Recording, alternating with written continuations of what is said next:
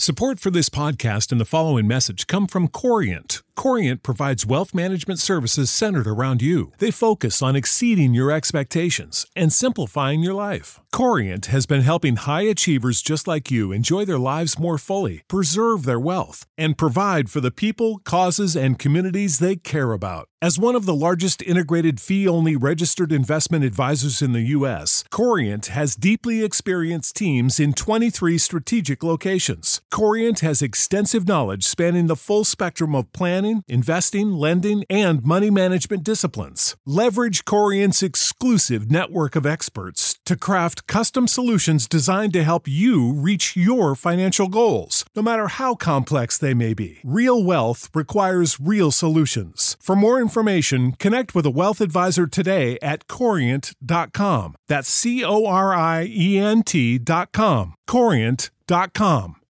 When you need mealtime inspiration, it's worth shopping Kroger, where you'll find over 30,000 mouthwatering choices that excite your inner foodie. And no matter what tasty choice you make, you'll enjoy our everyday low prices, plus extra ways to save, like digital coupons worth over $600 each week. You can also save up to $1 off per gallon at the pump with fuel points. More savings and more inspiring flavors make shopping Kroger worth it every time. Kroger, fresh for everyone. Fuel restrictions apply.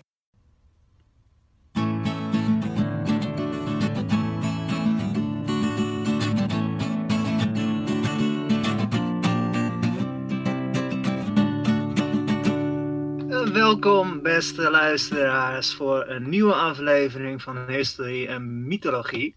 Peter, welkom. Dank je. Uh, ik heb vandaag een, uh, uh, een onderwerp voorbereid. En um, nou, ik wist natuurlijk dat Ragnarok eraan kwam. Dus um, ja, weet je, ik denk, ik ga me toch ik ga me voorbereiden. Ik ga kijken hoe ik mezelf op zo'n epische strijd kan voorbereiden. En voor history, dus er zijn zoveel oorlogen gevoerd, Peter. Oh, zeker, ja. Maar één, die, die viel me wel op. En het is een honderd jaar geleden, iets meer dan honderd jaar. En het is een, uh, een, een tweedelig verhaal. Maar laten we beginnen met het onderwerp van vandaag. Peter, ja. waar denk jij aan als je het uh, schot van Sarajevo hoort? Oh, Nee, ik heb er wel over gehoord. Zeg maar, de naam komt me bekend voor, maar eigenlijk weet ik er niet zoveel van. Nou, uh, laten we even teruggaan naar 1914. Hmm. Um, daar uh, even wat oorgeschiedenis. Uh, ja, in Europa zijn heel veel rijken op dat moment. Heel veel monarchieën, heel veel keizerrijken, uh, om het zo maar te zeggen. Ja, het Duitse Rijk, het Britse Rijk. Ja, precies. Ja. Het waren best wel vervelende, best wel vervelende mensen, want iedereen die uh, bezitte dan gebied, weet je. Uh, zelfs Nederland, die was op dat moment, uh, nou ja, dat was al een tijdje weg hoor, België, maar ja, weet je, ook wij hadden Bel, uh, België ooit bezit. En, mm -hmm. Maar Duitsers, die hadden Polen. Polen, uh, dat is nu een eigen staat. Hadden ze allemaal niet. Maar goed, allemaal grote uh, rijken. En die waren allemaal een beetje trots. Die hadden zoiets van: moet je kijken hoe cool ik ben en hoe sterk ik ben. En dat was, botste allemaal een beetje. En die monarchen, die. Uh, die sloten ook allemaal bondgenootschappen met andere landen. Zoals Frankrijk had een alliantie met Rusland. En Rusland had weer een alliantie met Servië. Oef. En de Duitsers die hadden weer een alliantie met Oostenrijk-Hongarije. Hongarije was niet eens een eigen land. Dat hoorde bij Oostenrijk-Hongarije onder de Oostenrijkse keizer. Oké. Okay.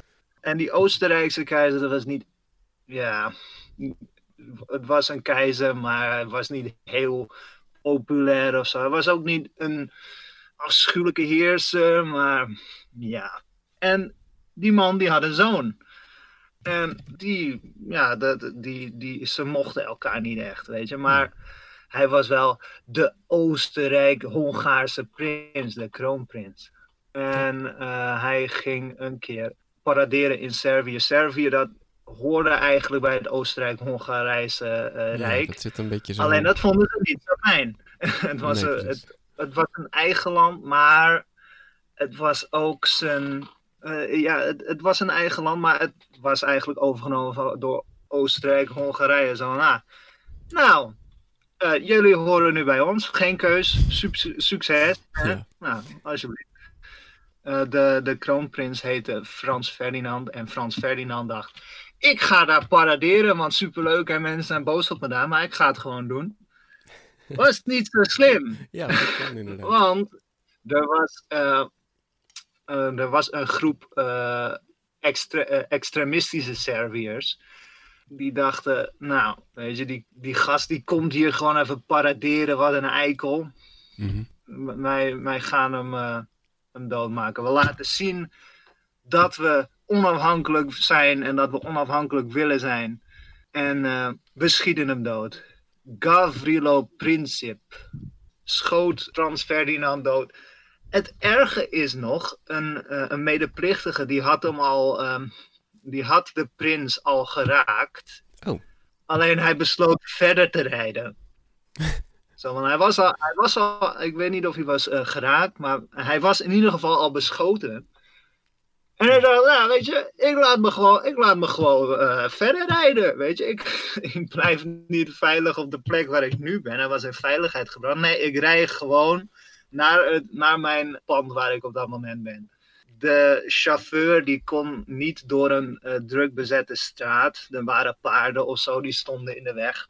Ja. In ieder geval, hij moest stoppen. Nou, perfecte moment voor meneer Princip om Frans Ferdinand dood te schieten. Oh, wauw. Hij had wel echt een pechdag. En de Oostenrijkse keizer, weet je nou, dit was zijn zoon. Dus eh, hij was een neef trouwens. Het was niet de zoon, het was een neef. Sorry, ik was eh, Nee, is oké. verward met de prins. Eh, en die heeft zichzelf opgehangen. Oeh. of vermoord in ieder geval. Ja. Het was allemaal niet zo leuk toen. Frans Jozef van Oostenrijk, nou, die eh, was woedend. En ehm, die stuurde een week later stuurde hij een eh, brief naar Servië van... We willen dat jullie eh, eh, dit voor ons doen, dat voor ons doen. Eigenlijk gewoon een brief om te zeggen van, nou, weet je... wij willen eigenlijk gewoon oorlog Mhm. weet je. Maar jullie, wij, wij, we sturen deze eisen en als je je daaraan houdt, dan komt er geen oorlog. en het, het erge was nog, de Serviërs die gingen serieus kijken van, nou weet je, oké, dit wordt er allemaal gevraagd. Nou, dat doen we gewoon, Oh, weet je. En de, de, de, de Oostenrijkers die wilden gewoon oorlog, die hadden niet zoiets van, nou, weet je, we, oh, hoe durven ze eigenlijk ermee om te gaan? Eh, ze, ze maakten de, de eisen eigenlijk alleen maar erger. En, en de Serviërs die waren er dus mee bezig. Maar de Oostenrijk zeiden hou maar op, schijn maar uit. We nemen jullie wel even in. oh Nou, dat ja, ging- Dat, natuurlijk- Nou, toen kwam het Oostenrijks-Hongaarse leger wel even Servië binnenvallen. Waardoor dus eh, de Russen, die, eh, bes- eh, die beloofd hadden Servië te beschermen, die kwamen in de oorlog. En de Fransen, die hadden met Rusland een pact gesloten. Dus die kwamen weer in de oorlog. Jout. Nou, Dus dit eigenlijk eerste- allemaal door en- eh, het begin van Frans Ferdinand is eigenlijk eh, het startschot geweest. van- Dat ja, de hel uitbreekt. het, het, de dood van één man door een stom besluit was het begin van een van de meest grote oorlogen in de wereldgeschiedenis. En omdat de Oostenrijkse Hongaren ten oorlog trokken, Mhm. kwamen ook de Duitsers. Oei, oei, die Duitsers.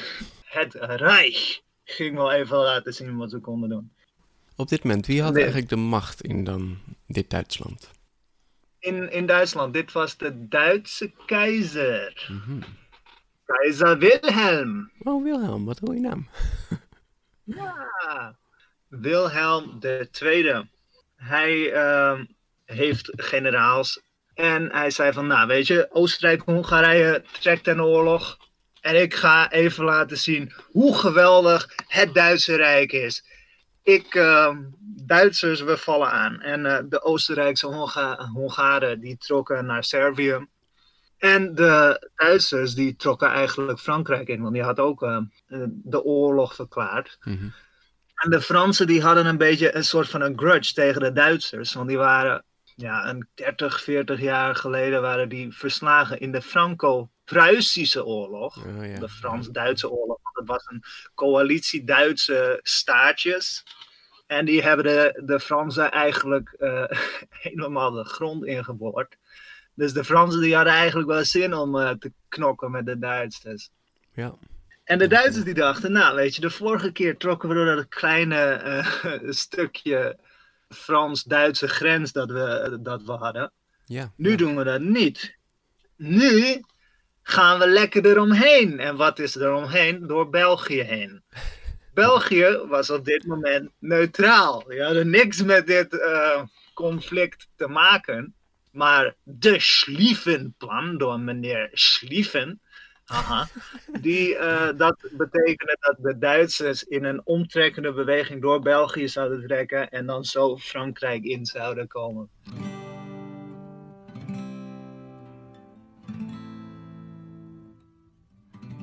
Nou, dat deden ze nogal snel, want de Belgen die, ja, die waren totaal onvoorbereid hierop.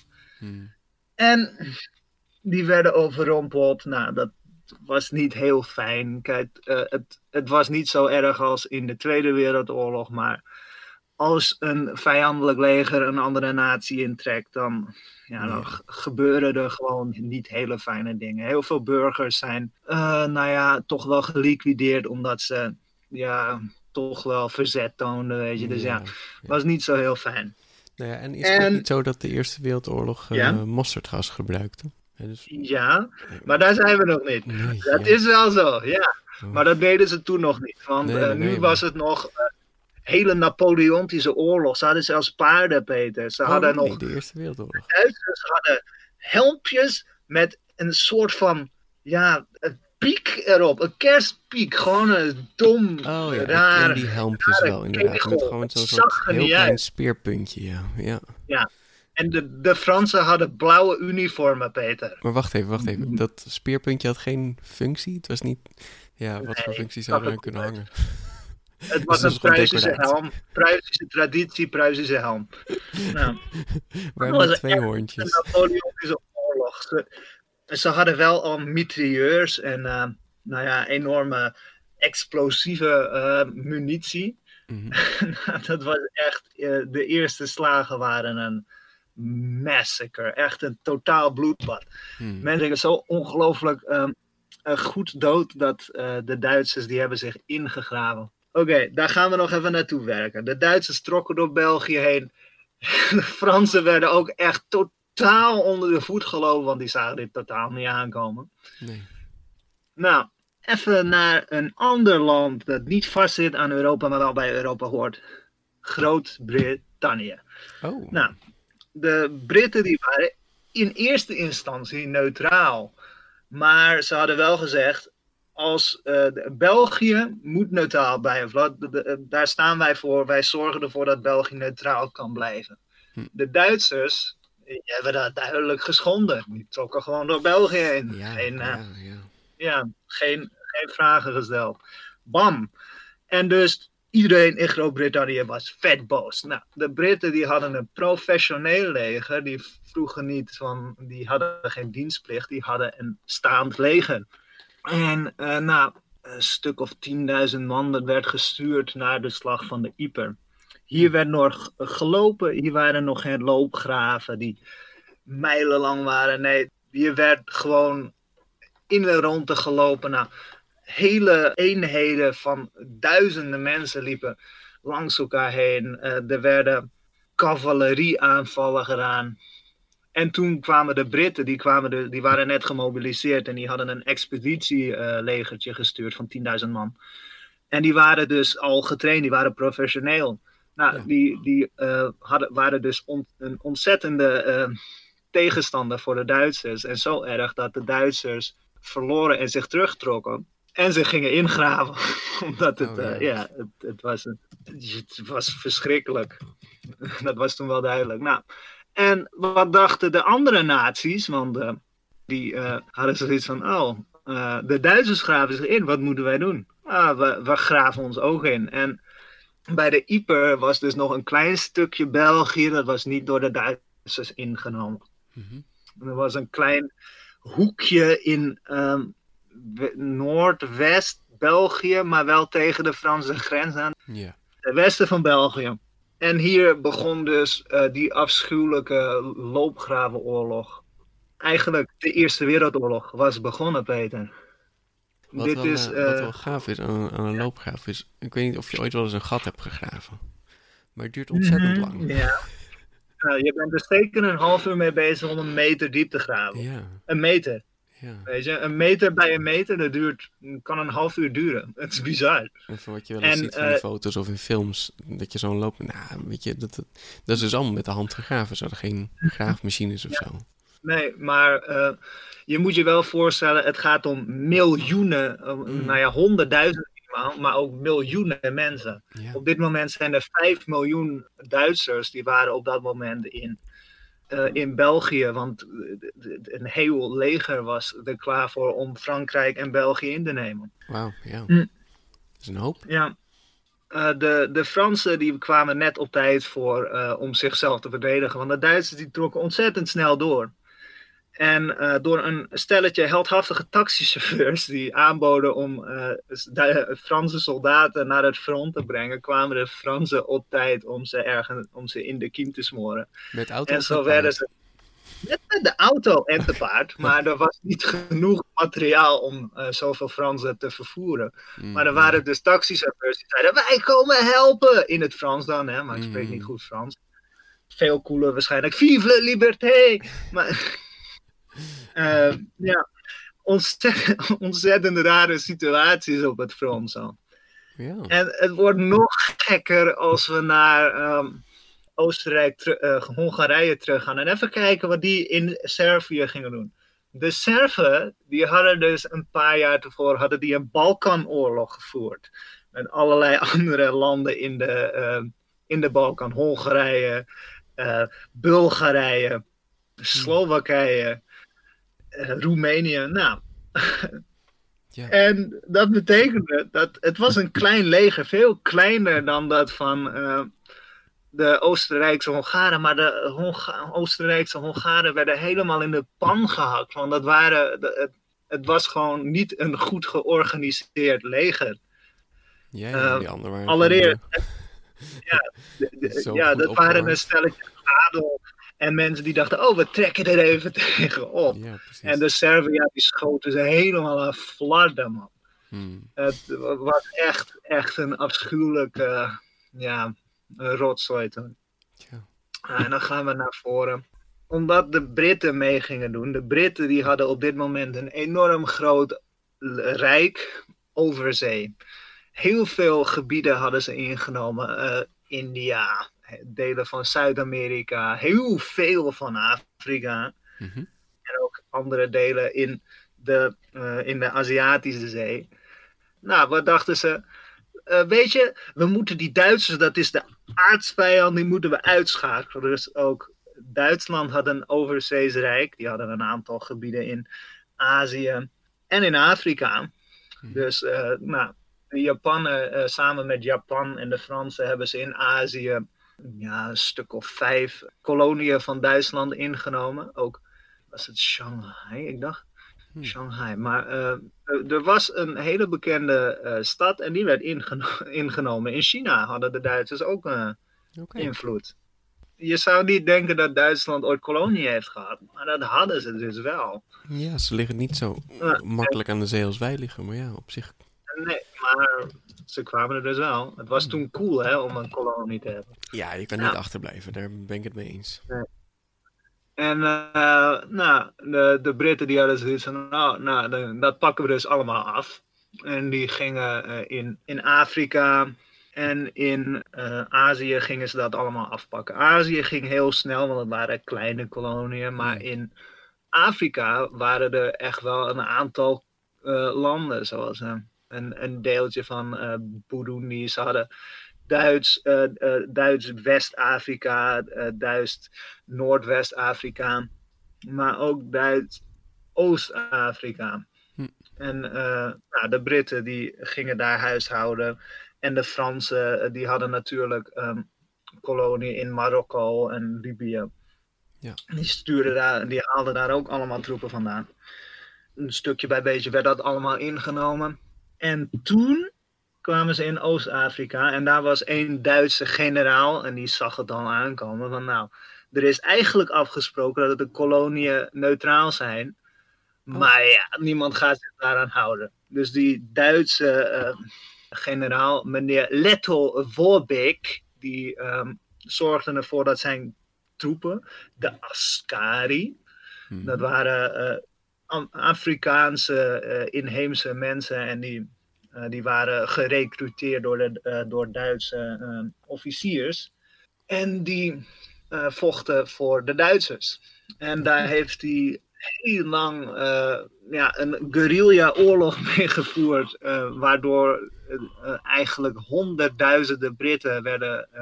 En honderdduizenden geallieerde troepen die werden daar vastgehouden. Wauw, bijzonder dat ze het zo konden organiseren. Ja, nou, het was echt uh, een. De, de, de Britten die landen in, in Afrika. Mm -hmm. En nou, die Voorbeek die had een leger gestationeerd in een stad die daar vlakbij was. Omdat de Britten die landen in een stuk waar allemaal bijen zaten. dus die bijen die werden vet boos van alle knallen en weet ik veel wat. De, de, troepen werden dus weggejaagd door, door bijen.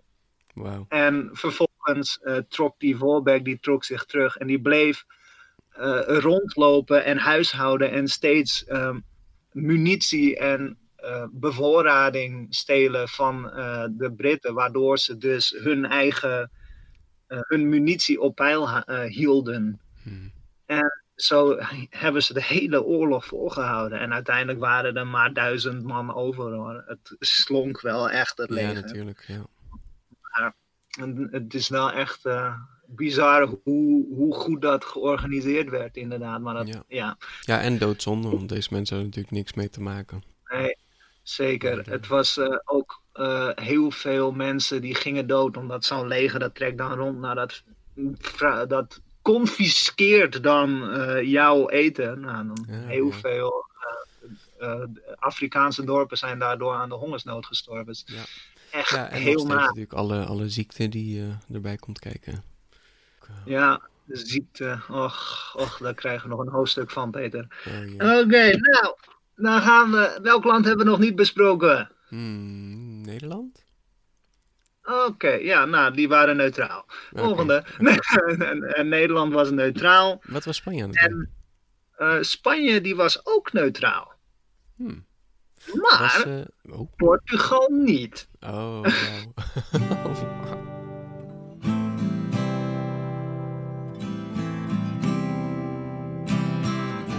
Portugezen die hadden ook koloniën en die deden ook mee. En ze hadden wat troepen aan het westfront. Hmm. Maar een heel groot land deed ook mee. Hmm, Rusland. Ja! Nice. Rusland had het grootste staande leger. En hoe zagen ze er ongeveer uit? Van die tijd. Was Wit-Rusland nu nog onderdeel van Rusland?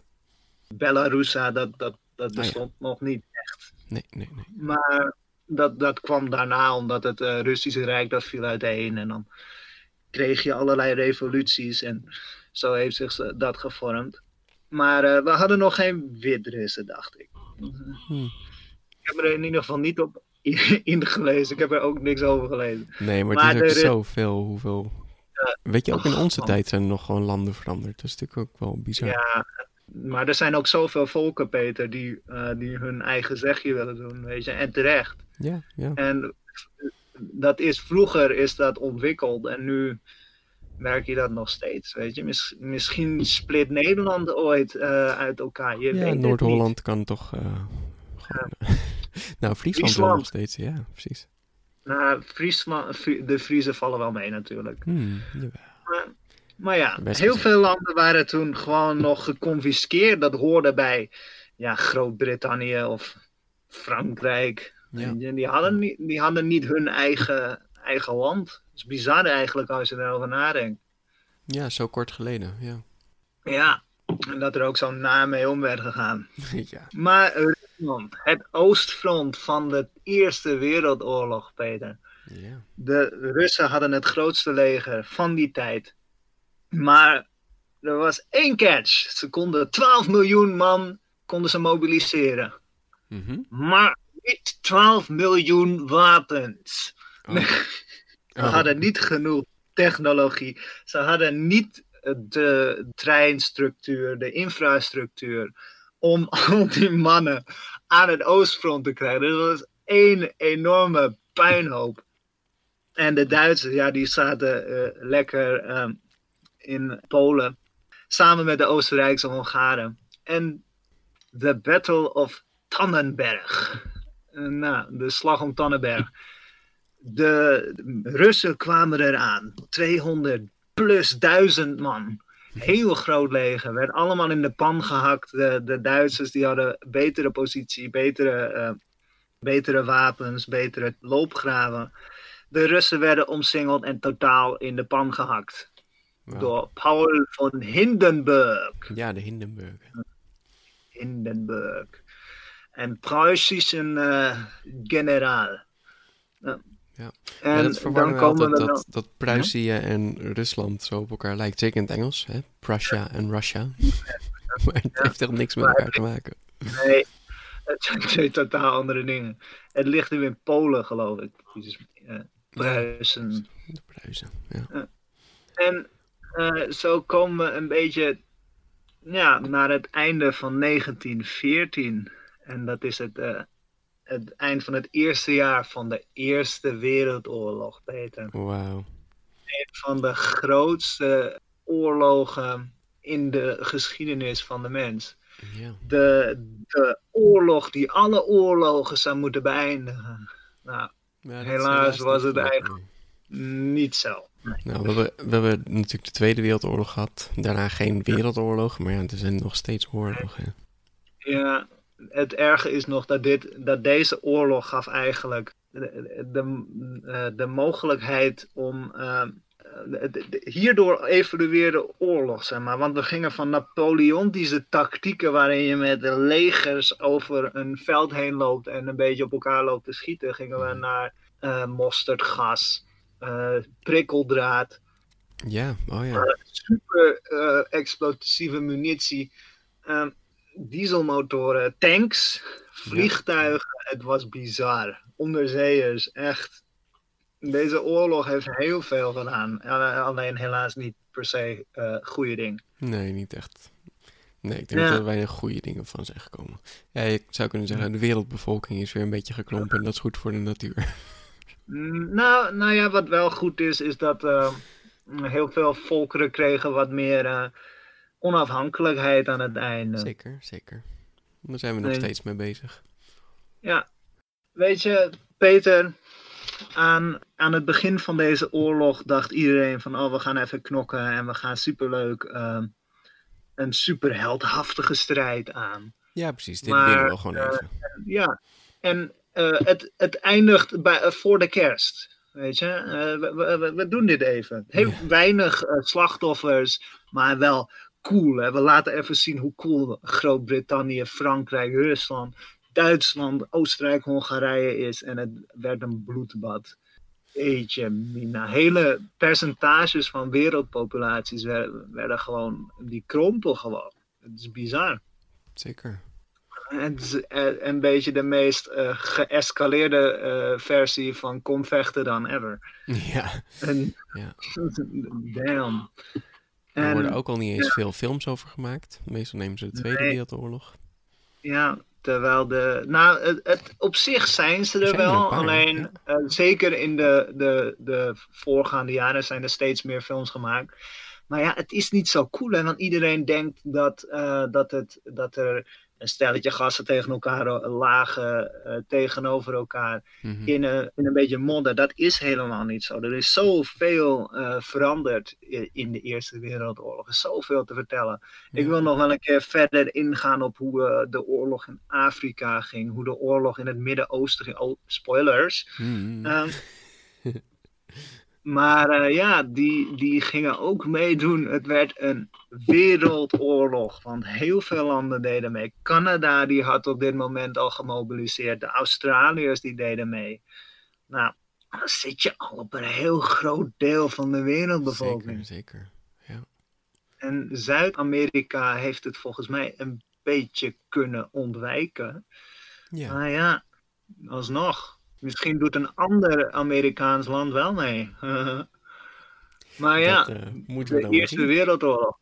Volgende keer eh, zal ik het hebben over 1915. En dan eh, gaan we het hebben over een beetje het begin van het middenpunt van de oorlog. Want op een gegeven moment st- stagneerde het. En dat zie je heel erg in 1915. Hmm. Spannend. Ik Ja. ben benieuwd. Dan Ja. spreek ik je de volgende keer weer. Yes, dankjewel allemaal. En ja, super zin in een eh, super, super gezellig verhaal. Heel leuk. Nou, tot ziens.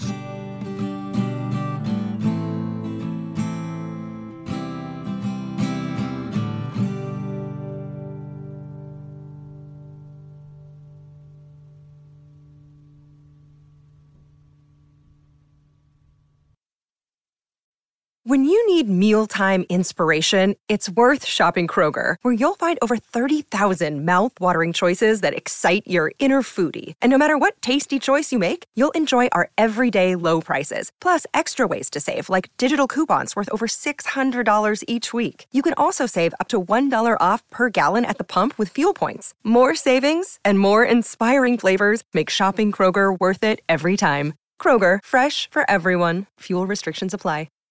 Save big on brunch for mom, all in the Kroger app.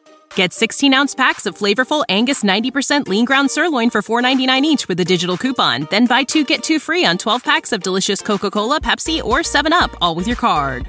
Shop these deals at your local Kroger, less than five miles away. Or tap the screen now to download the Kroger app to save big today. Kroger, fresh for everyone. Prices and product availability subject to change. Restrictions apply. See site for details.